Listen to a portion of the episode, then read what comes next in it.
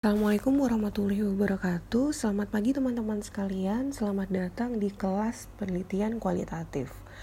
Teman-teman, kemarin kita sudah belajar terkait studi fenomenologi. Hari ini kita akan belajar terkait studi etnografi. Sudah bisa dibuka ya PPT-nya Oke, etnografi. Next slide.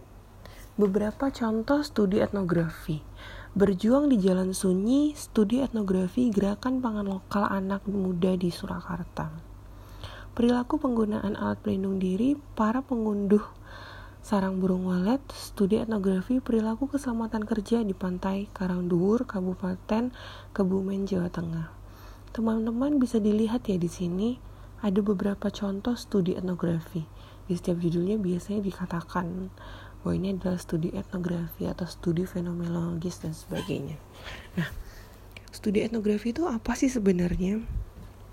Jadi, studi etnografi ini adalah sebuah studi yang mencoba memahami suatu budaya dalam masyarakat atau komunitas tertentu.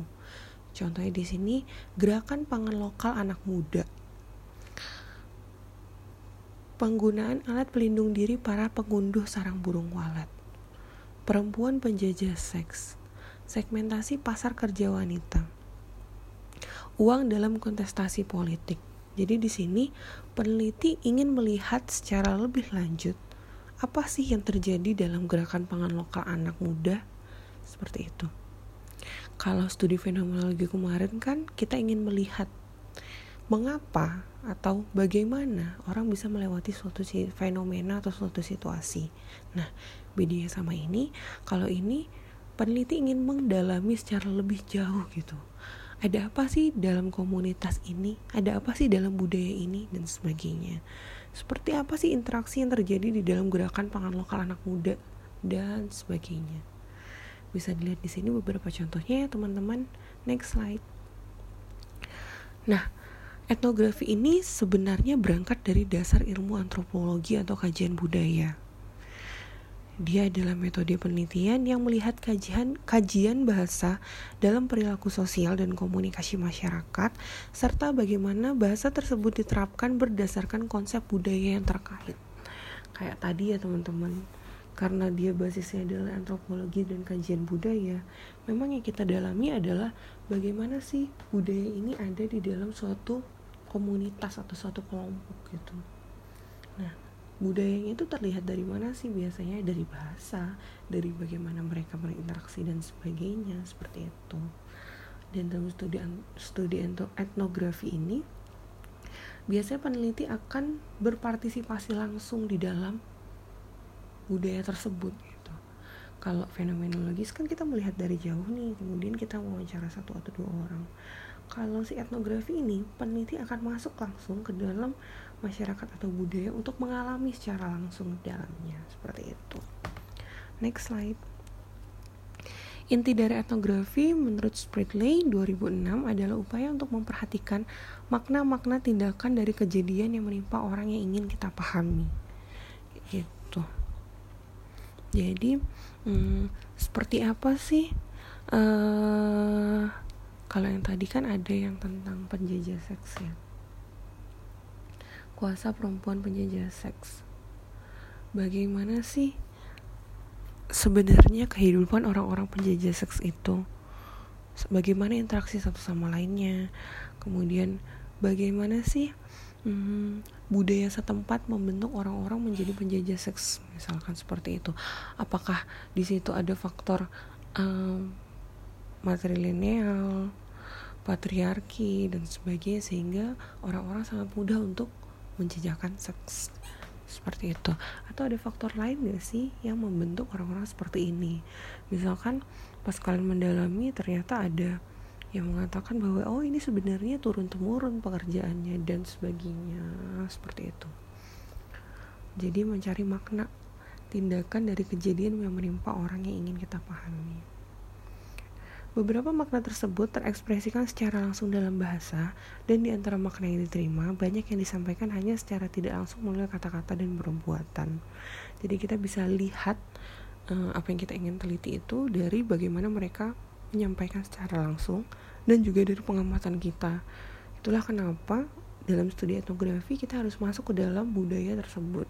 Jadi tidak melihat dari jauh saja. Ketika kita masuk ke dalam secara langsung kita bisa mencoba observasi ini teman-teman. Seperti apa sih dan hmm, observasi bagaimana sih proses itu terjadi? Ada faktor apa sih yang mempengaruhi dan sebagainya? Itu nanti kita menyimpulkan sendiri. Next slide. Tujuan etnografi adalah untuk mengkaji bentuk dan fungsi bahasa yang tersedia dalam budaya serta digunakan untuk berkomunikasi individu di dalamnya serta melihat bagaimana bentuk dan fungsi bahasa tersebut menjadi bagian dari kehidupan masyarakat. Itu ya teman-teman. Jadi ada suatu budaya di masyarakat atau kebiasaan hmm, atau tingkah laku atau perilaku yang kemudian terlihat dalam bentuk bahasa atau non bahasa bahasa itu didapatkan dari komunikasi atau interaksi di dalamnya sehingga kita butuh untuk masuk langsung ke dalam penelitian itu sehingga kita bisa mendengarkan. Dan kita bisa melihat dengan mata kita sendiri bagaimana sih proses yang terjadi dalam budaya tersebut. Next slide Metode etnografi juga menginterpretasikan kelompok sosial, sistem yang berlaku, dan peran yang dijalankan, serta interaksi sosial yang terjadi dalam suatu masyarakat. Nah, contohnya, segmentasi pasar kerja wanita. Nah, kita melihat itu, kemudian kita bisa mencoba interpretasi kelompok uh, pekerja wanita itu seperti apa sih apa sih sistem yang berlaku? Kebijakan apa sih yang ada? Peran peran apa sih yang mereka jalankan dan sebagainya? Kemudian bagaimana sih interaksi antara uh, pekerja wanita ini dengan pekerja pria? Bagaimana interaksi antara pekerja wanita ini dengan atasan-atasannya dengan keluarga dan sebagainya? Jadi isinya sangat padat sekali. Next slide. Metode etnografi biasanya digunakan untuk berfokus pada kegiatan atau ritual tertentu dalam masyarakat, bahasa, kepercayaan, cara hidup, dan lain sebagainya. Nah, yang tadi ada kegiatan, ritual, budaya, kepercayaan, cara hidup, dan sebagainya. Jadi banyak banget nih ide penelitian kalian. Kalau mau dibawa ke metode etnografi. Next slide. Nah, ini salah satu contoh studi etnografi. Studi etnografi perilaku sosial anak di Pulau Sebesi Lampung.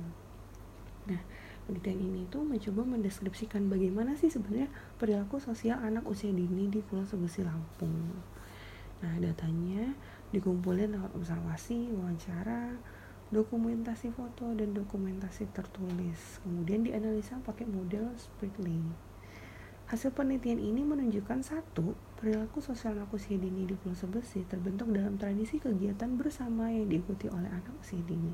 Jadi ketika peneliti masuk ke dalam kelompok sosial tersebut dia bisa menyimpulkan kalau oh sebenarnya tradisi ini nih hmm, dibentuknya dari kegiatan berkelompok yang dilakukan di tempat kepada anak-anak usia dini. Dua proses pembentukan perilaku sosial pada anak usia dini melalui keterlibatan langsung anak-anak dengan mengikuti tradisi kegiatan bersama. Nah ini dari mereka ikut kegiatan bersama ada tradisi di dalamnya juga kemudian ini membentuk perilaku sosial mereka. Jadi ternyata dari kegiatan aja tuh bisa membentuk suatu perilaku sosial ya teman-teman. Luar biasa sekali. Tiga keterlibatan masyarakat. Melalui semua partisipasi warga dan masyarakat dalam memberikan contoh langsung melalui kegiatan tradisional. Jadi ternyata kegiatan rutin yang dilakukan bersama-sama itu tidak hanya melibatkan misalkan guru TK doang gitu tapi ternyata ada partisipasi warga dan masyarakat sehingga membuat kegiatan ini tuh ketika diturunkan kepada anak-anak usia dini menunjukkan satu perilaku sosial tuh yang baik gitu.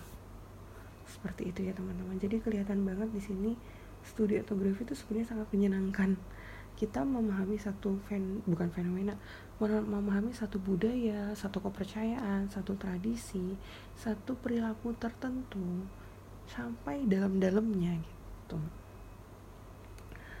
Oke next slide. Nah terima kasih teman-teman untuk perhatiannya. Nah, kita sudah belajar studi etnografi. Teman-teman bisa nih mulai mempertimbangkan kira-kira penelitianku ini fenomenologi, etnografi, studi kasus atau apa ya, seperti itu. Oke, kelasnya saya tutup. Selamat melanjutkan kegiatan. Wabillahi taufiq wal hidayah. Wassalamualaikum warahmatullahi wabarakatuh.